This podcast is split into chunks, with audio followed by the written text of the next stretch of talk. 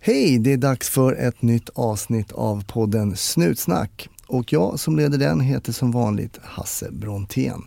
Idag heter min gäst Annie och vi kommer prata om lite olika saker. Bland annat vad de flesta polishundarna blir vad de misslyckas med och inte blir, varför de inte blir godkända. Det tyckte jag var lite intressant. Och om hennes två missioner utomlands. Så det blir ett blandat spännande avsnitt eh, om några sekunder. Om du gillar Snutsnack så finns det ju flera sätt som du kan stötta den på. Du kan ge den en recension på iTunes. Du kan ju dela ett avsnitt som du gillar i sociala medier till exempel till dina vänner. Eller du kan göra ett litet inlägg på Instagram. Eller så kan du väl nämna podden vid nästa släktträff. Det är en liten idé. Att följa Snutsnack på Instagram och Facebook hoppas jag att du redan gör.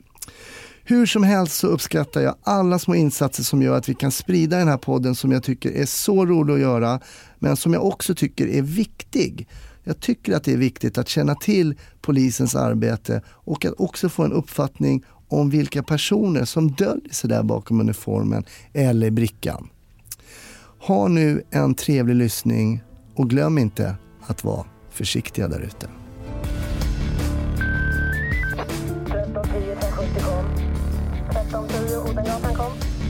Ja, det är uppfattat. Vi tar det. Slut. Bra. Klart slut. Hej Annie! Hej Hasse! Välkommen till eh, Snutsnack. Tack så mycket.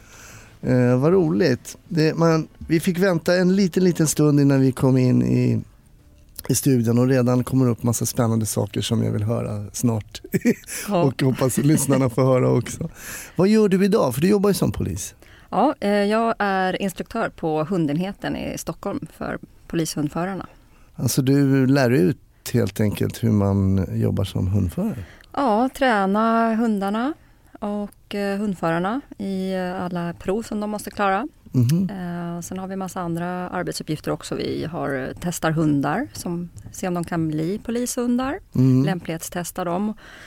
Eh, anskaffning, hitta nya hundar. Det är hela tiden ett behov av att hitta nya polishundar. Så att eh, om det är någon som lyssnar som tror att de har en eh, lämplig polishund som de vill sälja så får de gärna höra av sig. Okej. Hur många procent av hundar som man testar failar liksom? Som... De flesta. De Eller, Det, är flesta. väl, det är svårt. Det är eh, mycket höga krav på de här stackars hundarna tänkte jag säga. Nej, det är inte Mm. stackars utan de har, kommer få ett väldigt roligt liv, de som blir polishundar. Mm. Eh, men det är mycket de ska klara. Det- Vad, är det, vad är det vanligaste eh, som man eh, som en failad polishund, vad är, det, vad är det man faller av på så att säga? Vad är det vanligaste som Eh, hund? Det kan vara att man inte klarar av att jobba i olika miljöer, höjder, trappor, hala golv, instabila underlag. Mm. Du ska ju kunna jobba, spåra, söka, till och med kanske bita i, i trånga utrymmen och, och mörka utrymmen och allt sånt här. Och det är väl en av de stora grejerna. Mm. Sen kan det vara modet som brister. Okej. Du måste ju vara ganska modig. Hur testar man mod på en hund? Ja, har, vi har fasta testsituationer. Bland annat då så till exempel så drar man upp en, eh, en, en overall som ser ut som en människa, som en dumpe som flyger upp eh, 10 meter framför hunden plötsligt. Eh, tittar som en hur- eh, fågelskrämma Ja, nästan. nästan så. Och ser hur de reagerar på det, plötsligt uppdykande hot. Eh, Sen så har vi eh, en släde kallar vi det, men det är som en eh, halvfigur med en jacka på sig och lite elakt grin och ögon som man drar sakta mot hunden för att se om hunden eh, har liksom försvarslust till exempel. En del bara drar då? Eller? En del sticker, tjopp, hej då, då var det färdigt. Och då är, man, då är det fail? Ja, det är det ju. Men det är, det är viktigt att vi säger till alla också som kommer och du har ju samma hund med dig hem igen. Alltså Ja. det är ju inget fel på hunden, det är bara det att den kanske inte passar för just vårat eh, ändamål. Men det är som när man söker en tjänst som man tror att man är lämplig för. Mm. Som man till exempel, jag sökte ju till livvakt en gång och då sa ju psykologen att det var fail direkt. Så det var den där, de körde väl den där fågelskrämman på mig fast på ett annat sätt. Och då blev jag ju nästan lite förnärmad att jag inte ansågs som lämplig som en livvakt. För i min fantasi så hade jag ju sett Bodyguard med Kevin Costner och visste ju precis liksom hur en livvakt skulle vara. Ja. Men eh, det är väl så med hundarna också då, att det behöver inte vara, man behöver inte vara dålig Nej, absolut inte. för att man inte klarar just att ha den här tjänsten. Nej, Liksom. precis. Och sen även om man, även de som klarar provet, det är inte säkert att de blir polishundar i slutändan. För sen är det massor med arbetsprov som ska klaras också. Okej. Eh, man har en, eh, en testperiod på ett par månader Mm. eh, för att se om det kommer att fungera. Så att det är bara ett litet sållningsinstrument egentligen det här första testet. Så det är ett litet nålsöga. Ja, verkligen. Men det som man har sett vanligast är att man ser schäfrar har man sett som polishundar. Mm. Så har sett de där som jag tror är en liten schäfer men det är en belgisk Vallhund ja. Ja. Malinois. malinois som Ja. ser riktigt fräcka ut. Det ser ut som en väldigt tight eh, schäfer. Ja precis, en gul korthårig schäfer. Nej det är det ju inte, det är en belgisk vallhund och eh, schäfern är ju en tysk vallhund. Så eh, de är ju väldigt lämpliga just för att de har det vi, det vi letar efter egenskaper på hundar. Eh, Men sen har vi ju även andra, vi har ju labradorer och fågelhundar och så till sökhundar. Och, eh, någon boxer har jobbat också och jobbar. Och, så att egentligen är det inte rasen utan individen. Men just de här raserna har visat sig passa för vårt arbete väldigt bra. Okej, okay, men man tänker på sådana här, nu, nu är jag ingen hundexpert så du får liksom inte tycka att det är pinsamma frågor här nu. Men jag tänker på de här tuffa hundarna som man tänker så här, dobermann och rottweiler och sånt där som ser väldigt eh, liksom Mm. farliga ut. Varför ser vi så få sådana till Ja, exempel? de brukar inte klara, det är väldigt få av dem klarar de här lämplighetstesterna. Eh, Det, jag ska inte ens generalisera för som sagt det är inte rasen i sig så men alltså ofta så har de lite problem med mod och även miljöer. Så att eh, Mm. eh, alla är ju välkomna att, att testa så att säga men det har visat sig att det är just de raserna som företrädesvis fungerar bäst för vårt arbete. Det är lustigt för i helgen så var jag iväg med mina tre bröder. Vi var, brukar hänga med varandra utan fruar och barn och sådär ibland. Och då var det, vi skulle gå ner för en, en sån gallertrapp, ståltrapp med hål i. Och då var det en kille innan med sin hund och hade uppenbara problem att Mm. få den här hunden att gå ner för den här trappen Precis. då som var hål med galler i sådär. Ja, det är en grej som vi har, har på testbanan, då, en gallertrappa. Mm. utan liksom, ja, som är högt upp också. Så att det, då testar man både trappor, galler med hål i Mm. och höjder och så är det rangligt på samma gång då, så att det blir mycket på en gång. Där. Det låter som tester som inte jag heller skulle gå klara. Nej, det är, ganska, det är ganska tuffa tester för att bli hundförare också faktiskt. Ja, det är det. Mm.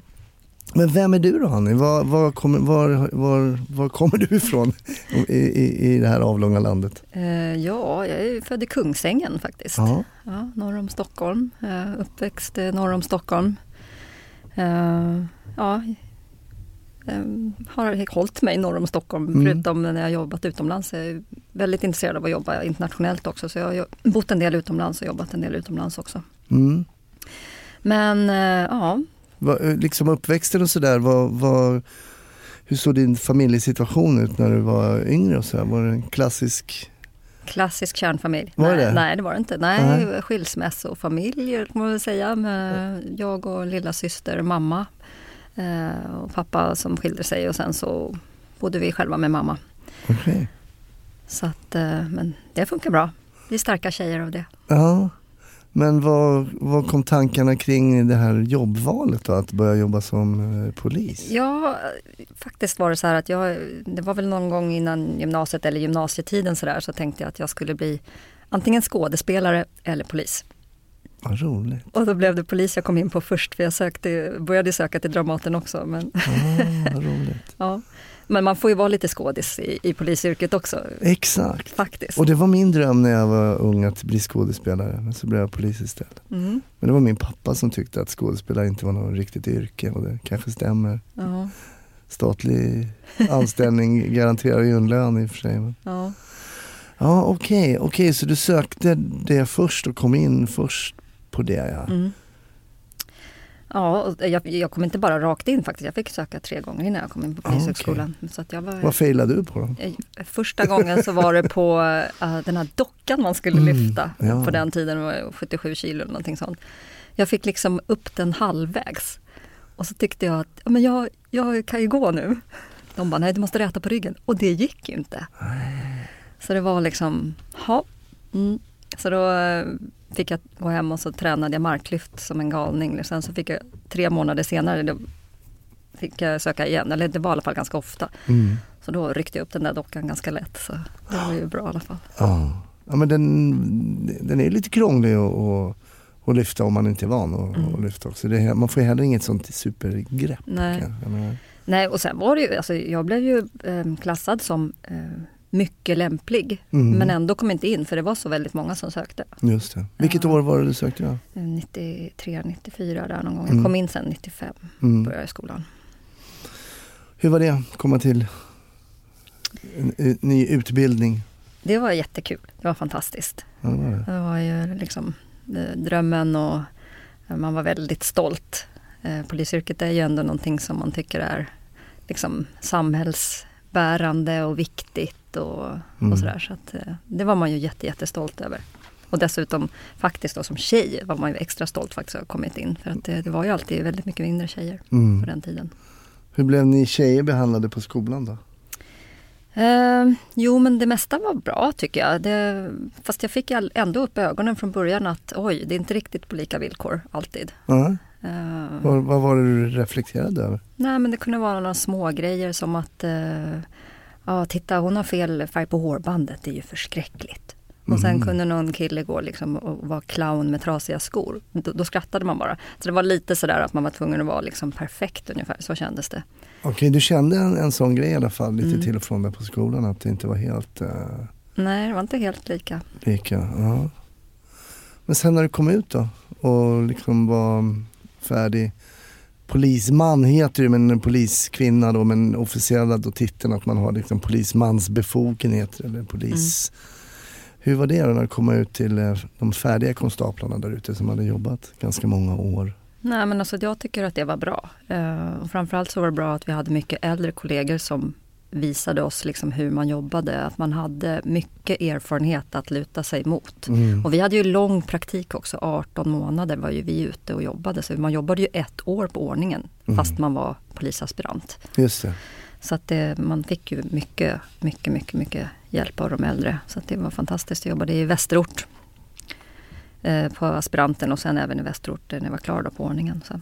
Och sen efter den praktiken fick du gå tillbaka till skolan då?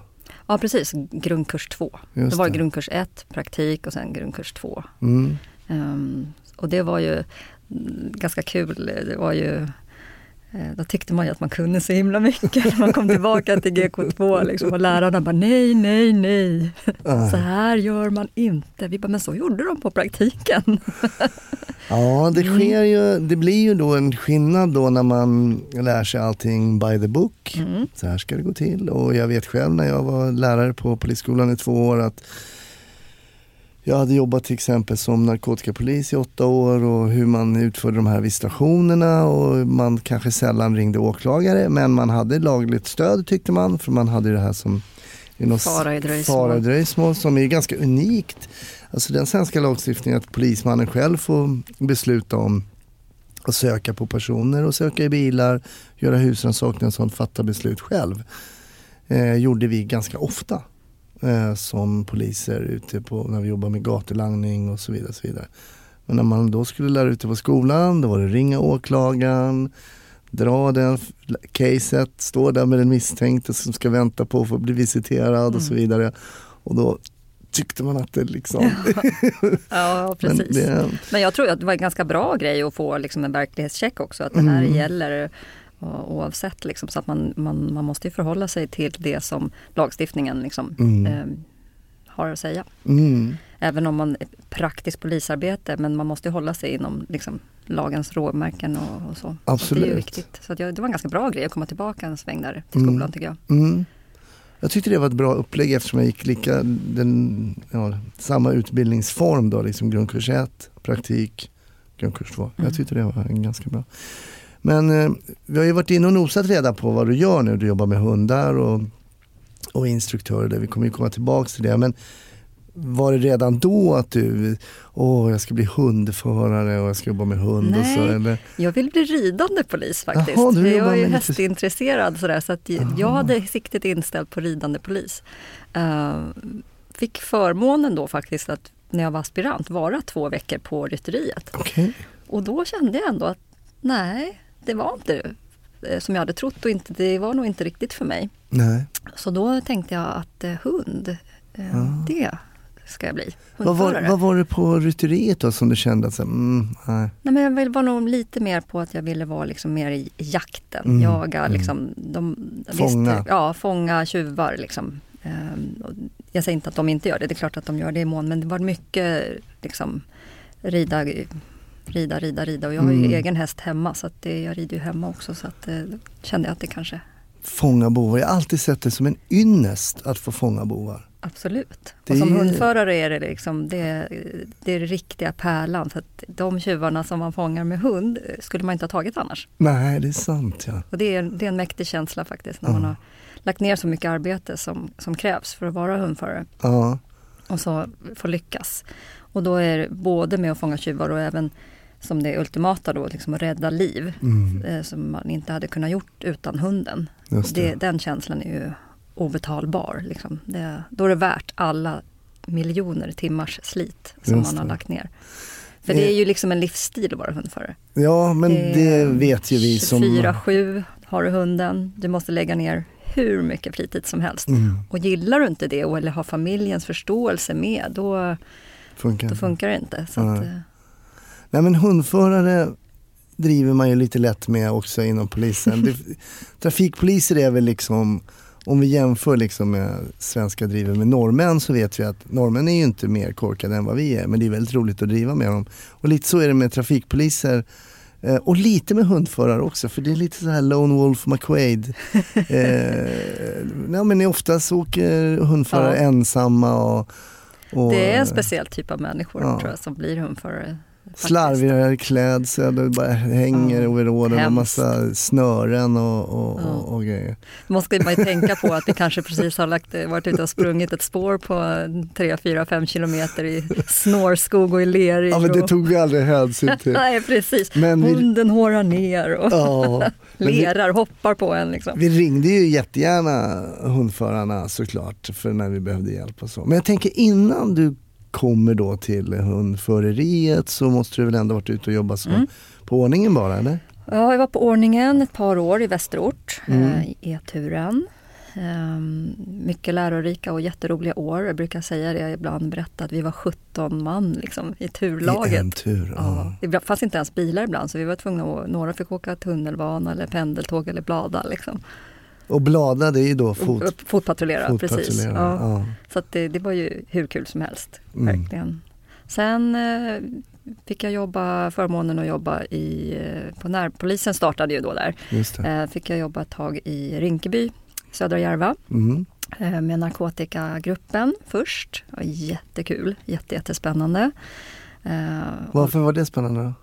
Ja men alltså det var ju, eh, vi fick lite vara för oss själva och eh, vi hade vårt eget lite lilla liksom, eh, ja, gäng och vi hade liksom en FV-ledare på stationen som vi kunde ringa till och någon satt in och hade en handstation som kunde göra slagningar och sådär. Så vi var liksom lite utanför Just det vanliga gridet. Sådär. Så att, Så och det var ju jättemycket beslag liksom också Ja, såklart. det är det roligaste. Ja. Eh, F-ledare för lyssnarna som inte jobbar som polis, så är det förundersökningsledare betyder Mm. det som fattar då beslut, kan ju fatta beslut om till exempel Ja, husrannsakan eller sånt som man har. Mm, Eh, Då hade ni en tajt kontakt med en egen, precis. ja, väldigt praktiskt om man är ute och jobbar på det sättet. Ja. Ja. Och sen jobbade jag även på i ungdomsgruppen eh, som vi kallade det då också i Rinkeby. Mm. Det var också jättekul och, och um, vi försökte jobba mycket med förebyggande eh, arbete och söka upp eh, ungdomar i riskzonen och, och på, när de var riktigt små faktiskt. Eh, Mm. Man,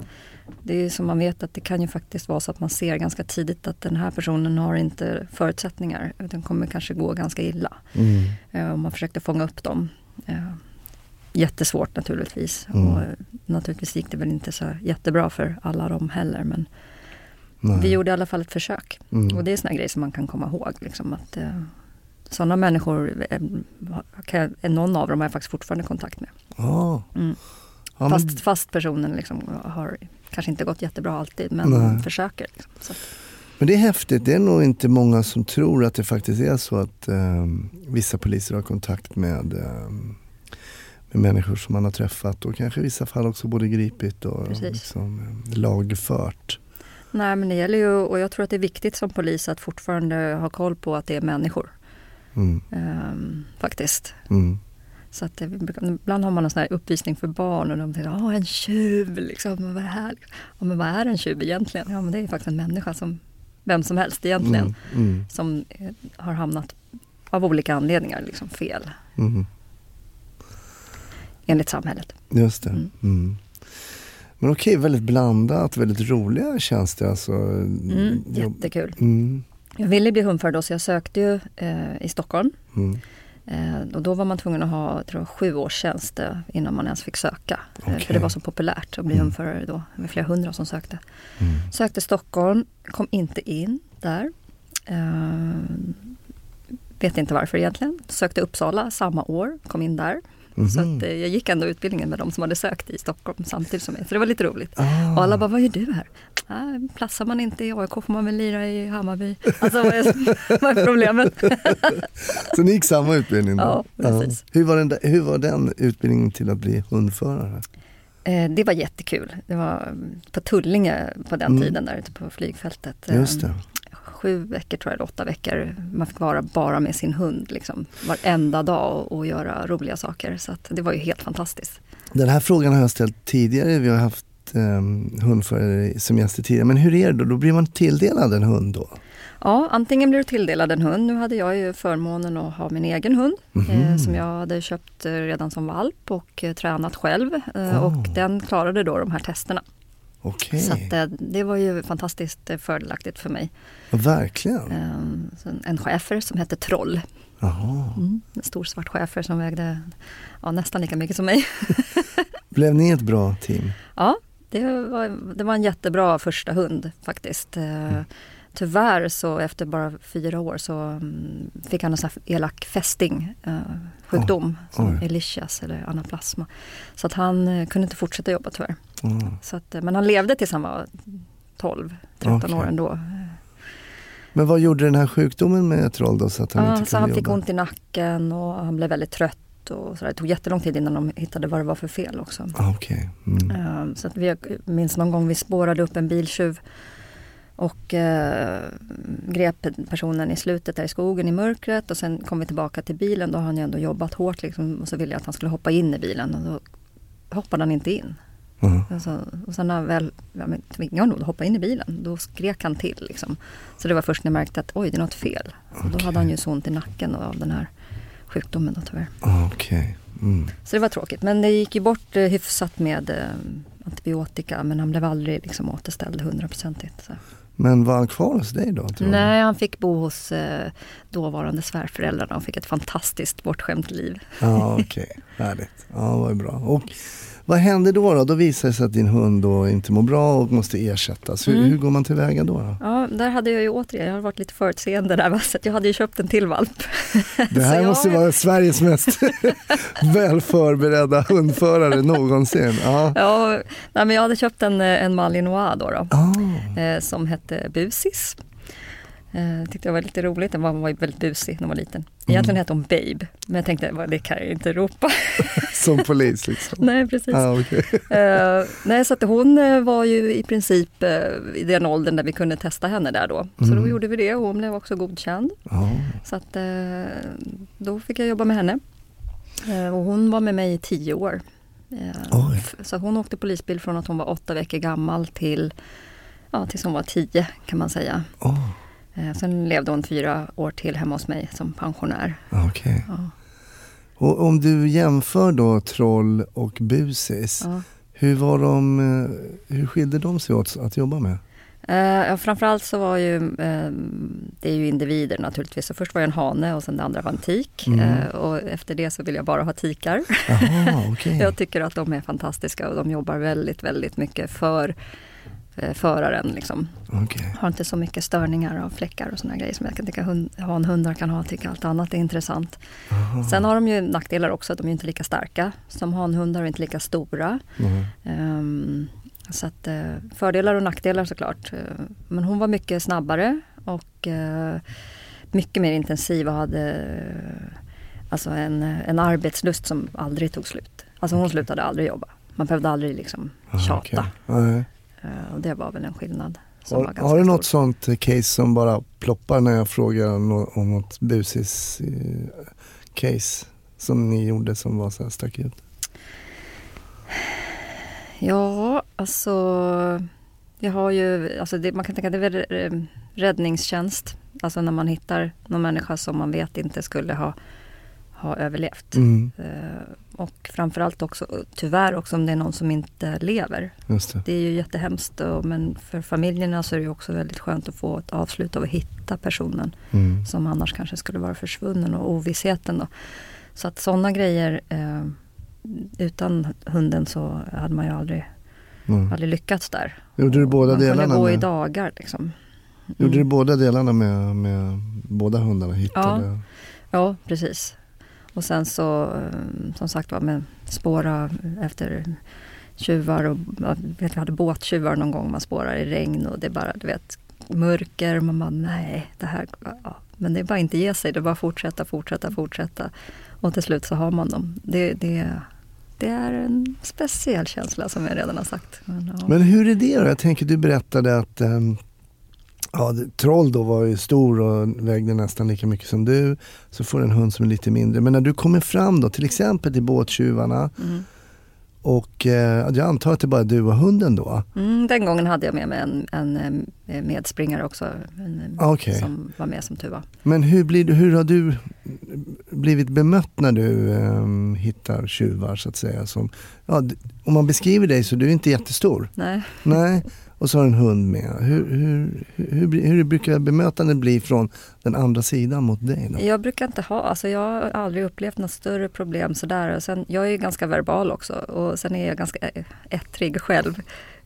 Jag har en ganska roligt eh, sån här karikatyrtavla som jag fick från mitt turlag i Uppsala när jag slutade där. Där har de ritat mig som en jätteliten person som står och skäller på en jättestor buse som bara förlåt. Och det är väl lite typiskt mig så. Jag, Okej. när jag ser mig själv på kort så tänker jag vem är det där? Vilken liten! Jag tror att jag är jättestor. så jag är väl som en terrier antagligen, så här, som skäller på stora hundar. Liksom. En terrier och en malinois Ja. som eh, går bredvid varandra. Ja, Okej, precis. så det har egentligen inte varit något problem då skulle du vilja säga att du är... Att, Nej, man får ju laga efter läge. Man får ju tänka så här, vad har jag för resurser och vad har min hund för resurser? Vi Mm. är ju ett team. Vad kan vi göra? Är det så att vi kan vi rå på den här personen eller måste jag liksom kanske hålla stången här nu och vänta på förstärkning? Det har ju hänt också att man behöver säga, okej den här vägen är två meter lång och påtänd av GHB. Eh, kan jag få lite hjälp här? Jag har spårat upp den här personen Mm. och lyckligtvis så har det funkat. Liksom. mm, Eh, man kommer ganska långt med att vara street smart och eh, verbal också. just det. Mycket långt skulle jag vilja påstå. Mm. Ja. Det, man får ju tänka så, vad har jag för förutsättningar? Mm. Intressant.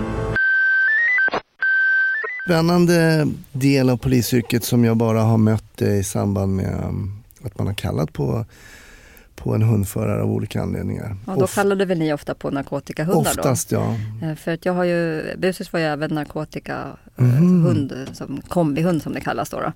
Så att eh, hon gjorde ju också mycket narkotikasök. Och sen så har jag också varit, eh, haft förmånen att vara specialsökshundförare som det kallas nu. Där jag bara jobbade med narkotika och vapensök Mm, ett par år. Okej. Eh, och jobbade då bara med narkotikagrupperna eh, tajt. Och även med ordningen om de behövde hjälp så- såklart. Men man försökte lägga tid tillsammans med eh, narkotikagruppen och jobba tillsammans med dem mycket. Mm. Hur ofta tränar man då som hundförare? Eh, hela tiden. Det är så? Mm. Ja. Alltså jag brukar säga så här, du måste nästan träna varje dag. Sen vet jag att alla inte gör det, men om man slår ut snittet på vad man gör. Även, du måste ju rasta hunden en tre, fyra gånger om dagen, Mm. minst. Mm. Och jag, menar, jag brukar säga det till människor som säger att de inte har tid att träna hunden, att man kan faktiskt passa på att träna massor med saker bara när man är ute och rastar. Det. För det är ju inte bara en sak som hundarna ska kunna. Liksom. Det är lydnad, det är spår, det är sök, det är leta på brottsplats eh, och markera föremål. De får inte nudda föremålen.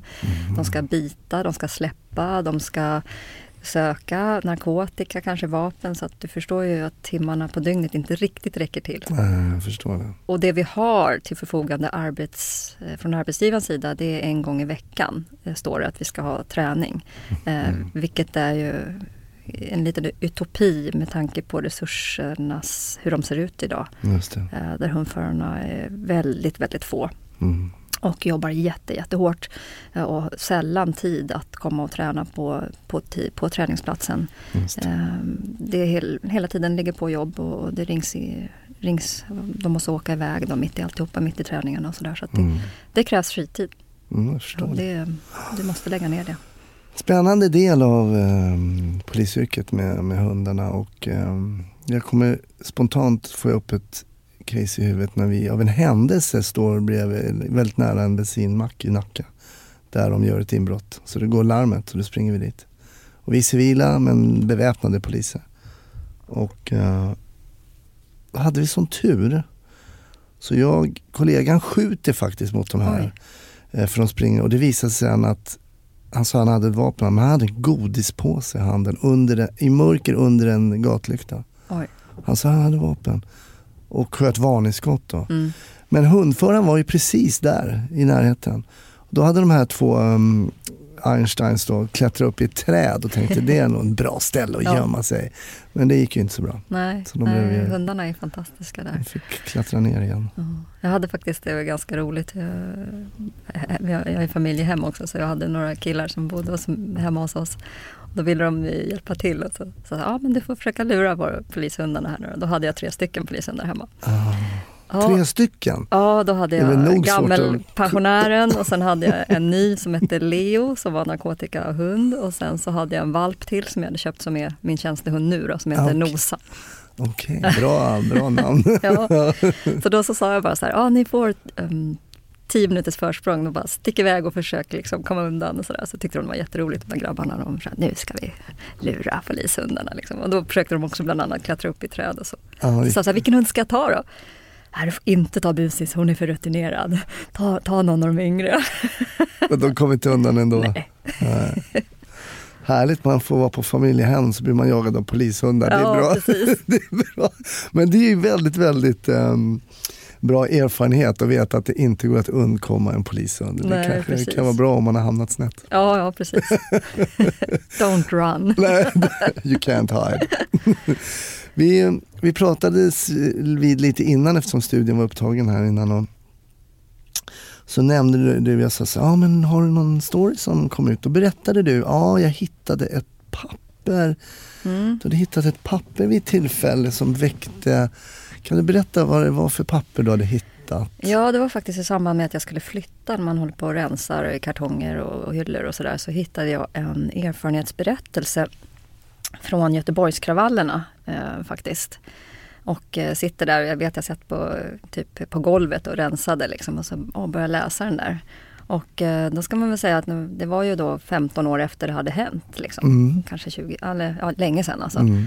Ehm, och vad jag har berättat historien om min Göteborgsupplevelse många gånger som man skulle kunna ta men eh, det som, och det har inte varit någonting som har följt mig egentligen. Jag har berättat det som en historia som har hänt, en polishistoria. Liksom. Mm. Men just Och det är det här EU-toppmötet? ja, då EU-toppmötet som... urartade i, i, i Göteborg där, och där eh, det vart eh, kravaller och, och hela stan brann i princip. Mm. Ehm, men när jag läste eh, det här erfarenhetsberättelsen så många år efteråt, det var inte jag som hade skrivit den utan det var min avdelningschef som hade Okej. skrivit den där Mm. erfarenhetsberättelsen. Så du plockar upp den ur Ja. en flyttlåda och Ja, sätter den sådär som man, Ja, som man stannar till när man Precis. håller på och fixar med sina lådor? Och då fick jag faktiskt en sån här liten reak- en reaktion att jag blev helt skakig och liksom nästan började gråta och mig väldigt, väldigt, väldigt påverkad emotionellt av vad vi upplevde där, våran grupp och våran avdelning. Okej. Ehm, som inte alls eh, jag kommer ihåg att jag kände då. Men att det kan komma så långt efteråt. Liksom. Det var väldigt intressant. Ibland brukar folk fråga så här, har du varit med om någonting spännande och läskigt? Och så. Man bara, nej. Man har jobbat i 24 år, klart man har varit med om massor. Såklart. Men man lägger liksom det liksom bakom, man kan inte lagra hela tiden för då, då pallar man liksom inte. Nej. Sen är det ju viktigt att man liksom pratar och bearbetar. Men Mm. man kan inte lagra. Just det. Eh, Men du sitter med det där pappret Ja. och, och vad händer? Du börjar, du börjar skaka? Ja, jag började faktiskt skaka, darra. Liksom. Så här, Oj, var det så här? Blev jag utsatt för det här? Gjorde vi det här? Ja. Så att där kan man se vad, vad, vad man kan få för reaktioner Var du, efteråt. var du då kommenderad att åka till Göteborg då, där du jobbade? Var jobbade du då under Då den jobbade tiden? jag i, Rinkeby, eh, i, på Södra Järva som det kallas, ja, just på. Södra Järva.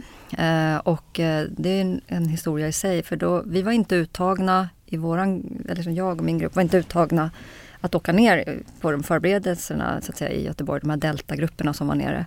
Mm. Eh, Men sen spårade det ju ur där nere och man såg på TV att det brann på Avenyn och det var fullständig kaos. Och då jobbade jag radiobil tillsammans med en kollega och eh, det gick ut ett eh, allanrop på, på radion. Mm. Är det alla som kan åka till Göteborg nu, ta er till Kungsholmen snabbt. Inom 15 minuter går en buss. Så vi blåade in till Kungsholmen och där blev vi instoppade på en buss ut till Arlanda på ett plan. Stoppa pickan i fickan ungefär. Det var så? Ja, ja, ja. Man bara samlade ihop det. ja om en kvart Alla som kunde. Alla som kunde. Om en kvart går en buss från, från Kungsholmen. och bara hämtar upp folk. Ja. Så att eh, det var ju liksom försökte hjälpa till, alltså snabbt eh, få förstärkning ner till Göteborg. Eh, Och bara f- ett chartrat plan Ja, liksom. ett chartrat plan. Förbi- Vi körde in på plattan med den där bussen och bara sprang på planet. Eh, hämtade upp tio kollegor i Uppsala på vägen. Ehm, och sen så precis när man rullade iväg så, så, så stopp, stopp, stopp. Då kom ju liksom eh, justitieministern springande med portfölj där. Vem var det på Thomas den ti- Bodström va? Thomas Bodström. Ja. Ja, just det. Och, och, och liksom, han ska med också ner. In med honom på ja, planet in med också. honom och så åkte vi iväg och lyfte och iväg. Och så, det kommer jag aldrig glömma. Då, höll han ju ett, ett, ett litet tal för oss där då. eh, Framme. Han stod längst fram där i- Okej. och sa liksom att ja, ni har regeringen bakom er. Det här är svensk polis största utmaning någonsin. Oj. Då, då vart man lite så här, oj vart är vi på väg? Vad är det som händer där nere? Hur mycket hade ni fått då, liksom, förutom det ni hade sett på TV, vad fick ni för förberedelse vad ni skulle göra och sådär? Visste du när du satt på det här planet? Nej, Vad kommer hända nu? nej, jag hade ingen aning. Och vi, när vi kom ner dit så var det bara liksom hjälm på, skyddsutrustning på, sköld, framåt marsch ungefär, kolonn och så in liksom. Det, och det, jag kommer ihåg att det var ju, man hade sett de här gamla hjälmarna och visiren, det var ju imma på visiret, man såg ingenting och det var bara språng, framåt marsch, kedja liksom och det kastades grejer. Och, nej, så det var en, ju, helt chockartat egentligen. Men, Men- man jobbade på, vi jobbade väl 28 timmar i sträck tror jag första vändan där. Fick sova en 10 timmar, sen jobbade vi 18 timmar direkt efter det. Ehm, men eh, ja, det var väl en sån här grej som jag tycker faktiskt att eh, första gången också som allmänheten var så otroligt tacksamma mot det vi gjorde. Mm. Eh, när vi åkte hem, då var också Fick vi, också, då fick vi åka Herculesplan hem och kommer liksom gående på, det låter lite som en löjligt kanske, men det var en sån här grej som var, alltså sitter kvar i hjärtat. Att, att folk stod och applåderade när vi kom gående. Liksom, då hade man ju jobbat, man var ju helt slut. Kom, applåderade liksom allmänheten när man skulle åka hem där. På flygplatsen ställde de sig och applåderade och sådär. Just Så det var, Vad betyder en sån grej? Det betyder jättemycket. För att det är ju eh, en anledning till att de flesta blir poliser är ju ändå att man vill värna samhället. Vi är ju liksom det yttersta skyddet om man säger Mm. för samhället, för människorna, liksom för, för demokratin, för det vi har i vårt land som vi ska vara så himla tacksamma för. Jag, menar, jag jobbar ju internationellt också så att där, alla är ju inte riktigt lika lyckligt lottade som vi är i Sverige, även om vi har våra problem såklart. Absolut. Ja. Ehm, jag, jag, jag, jag jobbade i, på Haiti när terrordådet på Drottninggatan var så att jag var Mm. inte hemma då i Sverige Mm, utan jag jobbade utomlands då. Men, men jag kan tänka mig att det var ungefär liknande eh, känslor för de poliserna sen. Att de fick de här blommorna och tacksamheten från allmänheten Mm. och det här. Liksom att det, det betyder väldigt mycket. Eh, för att det är inte så många som gör det här jobbet för lönen och direkt. Nej, nej, det är det verkligen inte. Men vi ska gå tillbaka lite där. Du berättade att du hade, folk hade frågat dig, ja du var i Göteborg och du hade berättat, ja men jag var i Göteborg och sådana grejer. Mm. Och sen så går alla de här åren, 15 år, du packar upp en låda och Mm. håller på och flyttar och du läser den här eh, berättelsen som beskriver vad du och din grupp har gjort och så börjar du skaka och nästan gråta som du Mm. beskriver. Va, varför tror du att vad var det som hände här egentligen då? Om man försöker analysera det lite. Ja, alltså grejen är att det, alltså, som jag sa, man, vi ska inte, man ska inte lagra. Men däremot så är det kanske det är viktigt att man har debriefing och sådär. Vi fick, jag hade ju ingen debriefing efter det där. Det var ju bara så här, ja det är lugnt, ja bra jobbat. Så här, ja, så pratar man inte så mycket mer om det. Där är man liksom mer som att eh, men, men allting som man varit med om, även om man tänker att man inte ska lagra, så finns det ju med oss. Liksom. Vi möter ju människor i kris och vi möter ju fruktansvärda saker.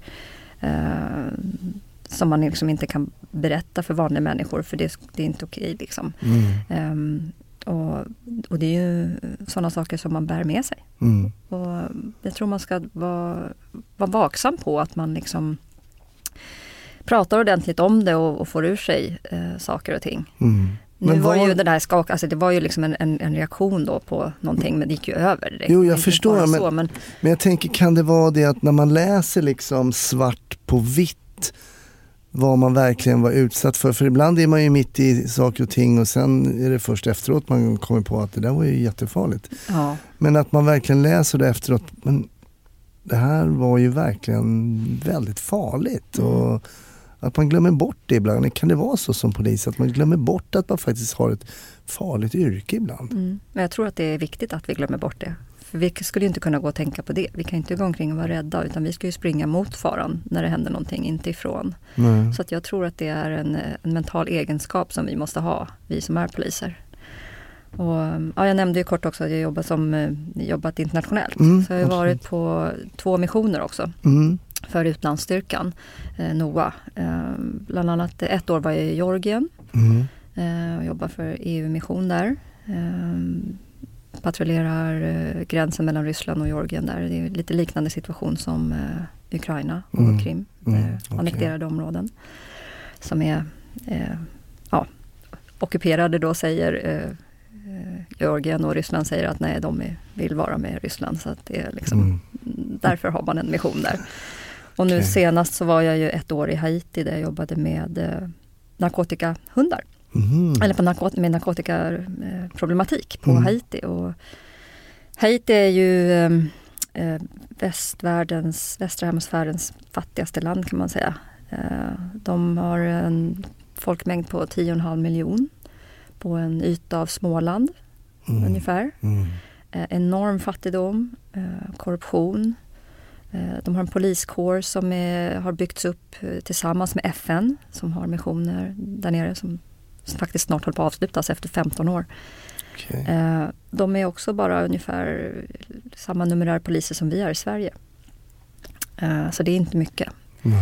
Eh, De fondas, eller, eller får ju liksom eh, pengar och gåvor och, och, och såna här saker från andra länder och från FN för att liksom bygga upp sin poliskår. Vad, Eh. vad kunde du tillföra, och svensk polis då så att säga, tillföra då till, till Haiti just gällande den här narkotikahundsbiten? Vad gjorde ni där? Ja, när jag kom dit då så med FN är det egentligen så att man faktiskt inte vet vad man ska jobba med förrän man kommer ner. Eh, Men då var det ju sån tur då att eh, de såg att jag var hundförare och eh, frågade om jag kunde tänka mig att jobba med, med hundförare. Och, nark- eller på narkotikaroten och med hundar. Mm. Absolut, det vill jag ju väldigt gärna göra. Och kom dit och ser att det finns eh, väldigt mycket eh, resurser på vissa plan. Eh, de har faciliteter, de har hundar. De, men det fanns sex bilar och ingen fungerade. Det var liksom trasigt. Det var liksom, Mhm. man säger så här, alla, det fanns mycket komponenter men ingen struktur. Ingen organisation och inget sammanhang. Liksom. De sa de hade, de har liksom inte hittat någonting. Hundarna hittade liksom ingenting.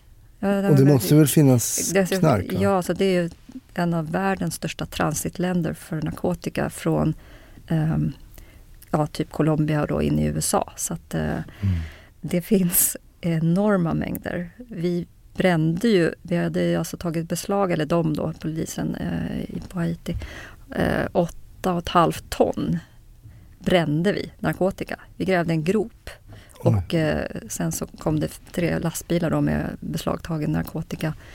Vad var det Ehm. för preparat? Det är kokain och eh, marijuana, Mm. eh, största delen. Och sen så hällde, vi, hällde man på liksom diesel och bensindäck i det här hålet och tände på. så att det, det är lite annorlunda än vad vi, vad Oj. vi har. Men det var ju ett stort pådrag där. Det var ju högsta polischeferna och politiker där då. Det var propaganda och liksom Såklart. Korruptionen. Vi jobbar ju tillsammans med, jag hade för, förmånen också att få, få faktiskt jobba då tillsammans med eh, eh, personal från amerikanska ambassaden som jobbar för DEA. Mm. Eh, Drug Enforcement Agency? Precis. Administration kanske? Ja, administration, precis. Mm. Och eh, både DEA och FBI och INL, då det är International Narcotic Law Enforcement. Och, eh, men så det var ju otroligt givande och spännande att vi kunde liksom jobba tillsammans. Eh, gjorde olika operations då tillsammans med eh, nationella polisen i, på Haiti.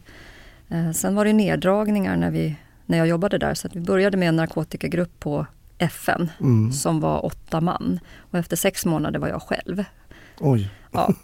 så då, hur länge var du där då? ett år. Ett år? Ett år var jag där. Alltså då fick jag ju eh, ta allt, inte bara hundarna utan jag hade ju liksom hamnen, flygplatsen, spaning, utredning, eh, organisation och struktur. så. Själv? Ja, som rådgivare. Ja, ensam rådgivare. Mm. Eh, så att, det- men det var fantastiskt. Eh, jag har ju fortfarande, det har gått två år nu, jag har fortfarande kontakt med de poliserna där nere. Okej. Det, liksom, det blev ett, ett starkt band. Skulle du rekommendera poliser idag eller också, jag vet att många blivande poliser också lyssnar på den att göra en sån här mission utomlands? Absolut, det är fantastiskt givande. Alltså det, det är nog det bästa jag har gjort eh, faktiskt. Ehm, det bästa som polisyrket har gett mig bland annat, det tycker jag är att få möjligheten att få, få jobba internationellt också. Sen kan man ju tycka och säga massor med saker om FN, att det är en stor koloss och det kostar massor med pengar. Mm. Eh, det är massor med vänskapskorruption hit och dit och det är så här, ja det är det. Men vad skulle vi vara utan det? Får Mm. väl se det lite så också. Och jag brukar säga, jag har varit instruktör också för utlandsstyrkan i fem år. Jag har jobbat med att utbilda de som ska åka på missioner. Eh, på eh, International Police Officers Course. Som man får en utbildning innan man åker ner och då även har internationella elever.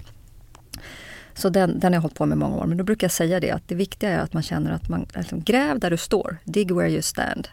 Alltså gör någon skillnad i någon människas liv på en annan sida av jorden där de inte har samma förutsättningar som oss. Det är otroligt givande för en själv personligt men också för liksom, världen.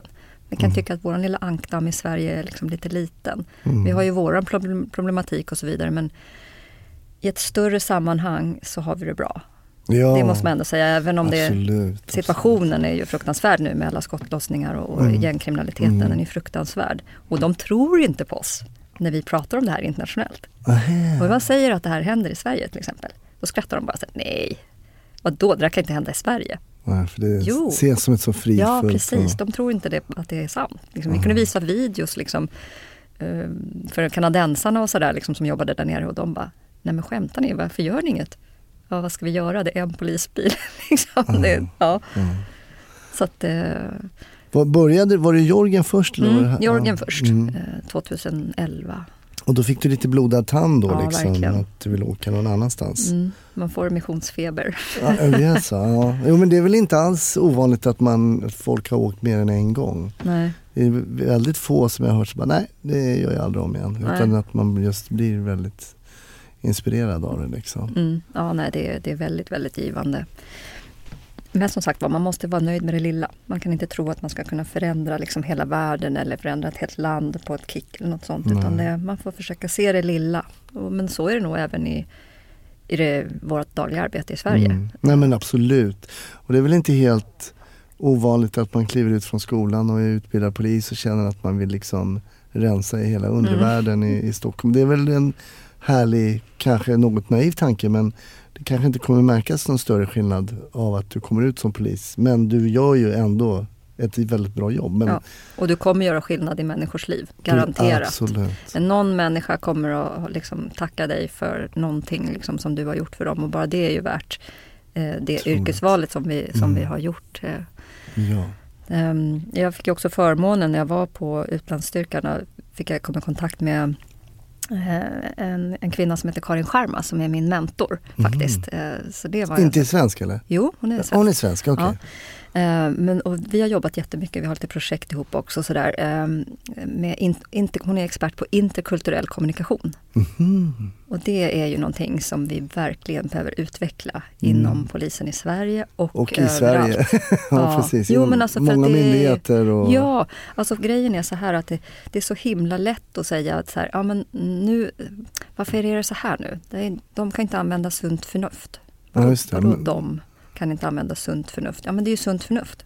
Ja, men vad är sunt förnuft? Vad tycker du att sunt förnuft är? Ja, men vi har ju vårt kulturella syn på Precis. sunt förnuft såklart. Precis. Det är helt annorlunda någon annanstans. Det är det människor ibland inte tänker på, att sunt förnuft är kulturellt. Det beror alltså helt på hur du är uppväxt i, vilken kultur du är uppväxt i. Mm. Så det är liksom ingenting som man förändrar. Man förändrar inte en kultur på liksom en kvart. Mm. Utan det är ju liksom språk och, och sedvänjor och allt sånt där. Och det, Och bara kroppssignaler, Ja, hur man ja, ja, nickar ja och nickar nej. Det finns Exakt. det är en massa olika varianter där. Så, att, så att där måste jag ändå säga, slå ett slag för att man, man borde utveckla det lite grann. För att liksom, ett, ett av de bästa råden jag har fått där eh, av Karin är att säga så här, suspend your judgment.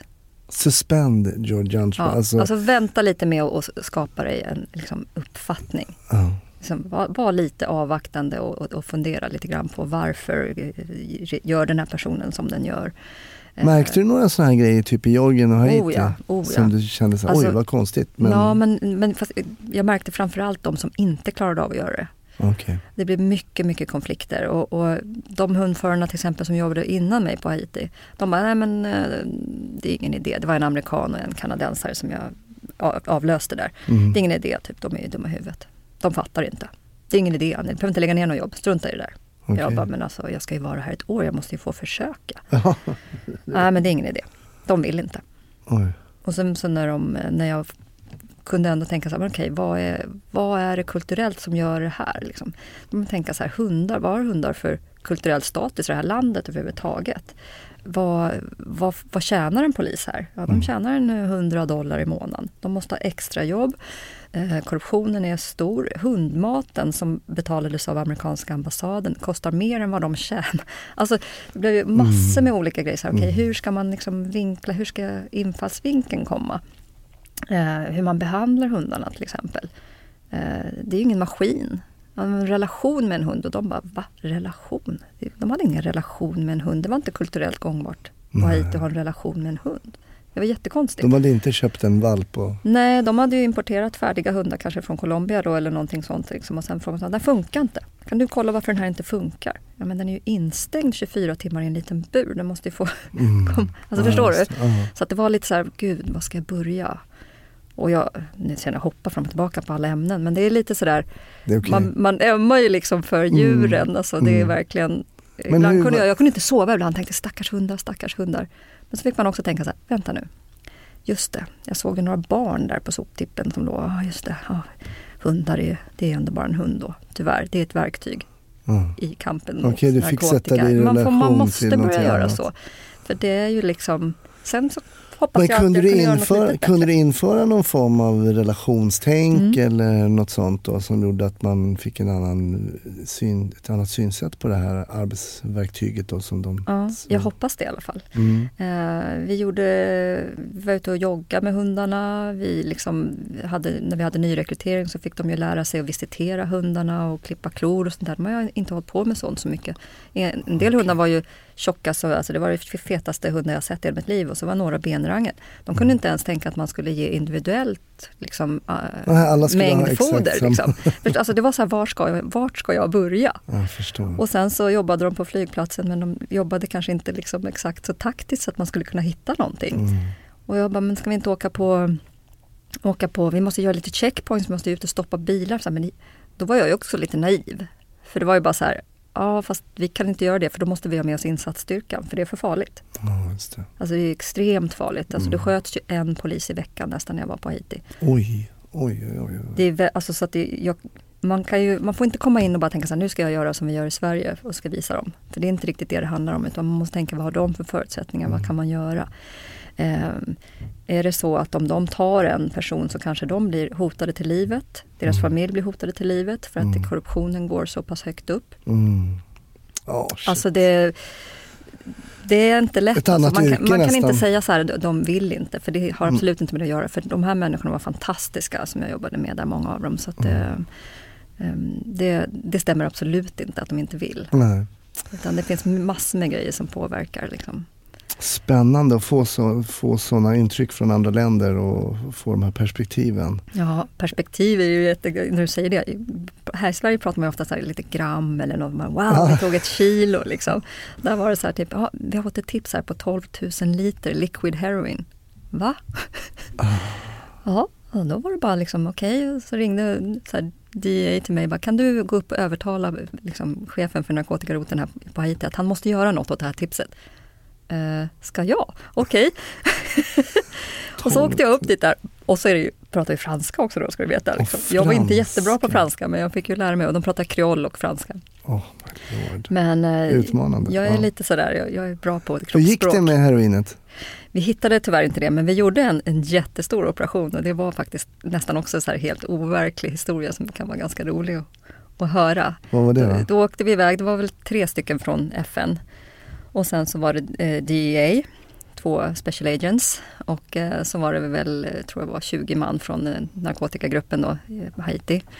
Och så åkte vi på såna här, eh, vad heter det, trucks med pickup trucks, de sitter på baksidan med sina AK47 och eh, skumpade åtta timmar genom eh, bussen och djungeln där, eh, liksom hela natten. Och så fram liksom i gryningen och smög där i byarna. De hade ju inte ens knappt sett en bil i den där byn. Alltså det var ju helt galet. Det kändes som att, det låter kanske lite sådär spektakulärt, men det var nästan så här som att oj, nu är jag med i Narcos. Hur slutade det då? Nej, vi sökte och vi hade ju um, eh, både en, en, eh, tipsare och telefonavlyssning. Som, så vi, vi vet att vi var på rätt ställe men vi hittade inte. Det är ju en djungel. Alltså det, ah, det kunde, svårt. Och det var precis vid gränsen till Dominikanska republiken. Okay. Eh, så det skulle ju föras över dit då. Så att, eh, Tyvärr så hittade vi det inte. Men eh, det var en upplevelse. Ja, jag förstår det. Att få vara med i Narcos. Ja. Och då blir ju den naturliga övergången då eh, polisfilmer eller polisserier. Just För jag antar att du har sett Narcos. Ja, Och kanske blivit lite påmind om din egna raid på Haiti. ja. Men eh, kan du kolla på eh, polisfilm, svensk Ja. eller amerikansk och sådär? Jo då, det, det, det gör jag. Mm. En- om, jag skulle rekommendera en film då så skulle jag vilja rekommendera en film som heter The Whistleblower. The Whistleblower. Mm, den utspelar sig, det är baserat på en sann historia och utspelar sig i Bosnien tror jag. Mm. Eh, på en FN-mission där det är en, en, eh, en amerikansk eh, polis som upptäcker att FN-soldaterna är inblandade i human trafficking och prostitutionshärvor. Där eh, Ah. FN-soldaterna själva är kunder och hjälper till att smuggla flickor över gränsen och såna grejer. Så har att, jag eh, hört talas om, men jag har inte sett den. den är mycket bra. Var kan man hitta den? Eh, Finns den på någon sån här Ja. streaming-sajt? eller? Det vet jag faktiskt inte för den, det är någon kanadensiskt bolag som äger den där filmen så att man kan hitta den i alla fall på köpa vet jag. Mm. Eh, Den är super, superbra och baserad på en verklig händelse. Ja, det är alltid lite extra Mm. krydda om det finns en mm. verklig berättelse i botten. Liksom. Och där vill man även slå ett slag för whistleblowers för att de Mm. brukar ofta bli väldigt dåligt behandlade även i vår organisation. Just det. När någon säger att hallå jag tycker att det här inte stämmer, jag tycker inte att det här går rätt till. Då är det ofta den personen som blir ganska illa åtgången. Jag tycker Mm. vi ska värna om våra whistleblowers. Just det. Sant. Annars så tv-serie så, vad heter den där då? En fransk. ehm, Lamont. falsk, eh, Nej. nej. den har jag också sett. Men fransk, eller falsk identitet. Falsk identitet. Le Bureau tror jag den heter på franska. Okej. Mycket Ja, bra jag har ju underrättelsegrej Vad på det? Le franska. Bureau. Le Bureau. Mm, vad bra. Kanske jag får bättra på min eh, franska som jag läst i fem år och typ inte kan någonting. jag skyller på den eh, eh, svenska skolan. Nej, jag skyller på min egen lathet faktiskt. Vad spännande. Innan vi bara slutar. Vad har du i fickan? Ja, inget jättespännande. Typ Lepsyl, bilnyckel, telefon, polislägg. Och Polislägget, inte Och, oviktigt. Eh, Ja, du har ju en jeansjacka också så du har lite fickor där. ja, plånbok också. En plånbok. Mm. Ja, Så det var inte så mycket mer spännande. än Nej, det var inte jättespännande men det var väl ganska så eh, genomsnittligt svensk eh, ficka. Plånbok, Lypsyl, eh, mobil, Polislägg. polislägg har ju inte det så många. Nej. Alltså stort tack Anne för att du kom och gästade Snutsnack och vi fick höra så mycket blandat om eh, att vara hundförare, jättespännande. och, och hur de här hundarna väljs ut lite grann. Väldigt spännande att höra. Och om dina missioner. Eh, vad mycket härligt man kan få uppleva när man jobbar som polis. Ja, faktiskt. Det är ett väldigt, väldigt bra yrke på det sättet att du behöver inte stagnera. Nej, det är toppen. Tack så jättemycket. Tack för att jag fick komma.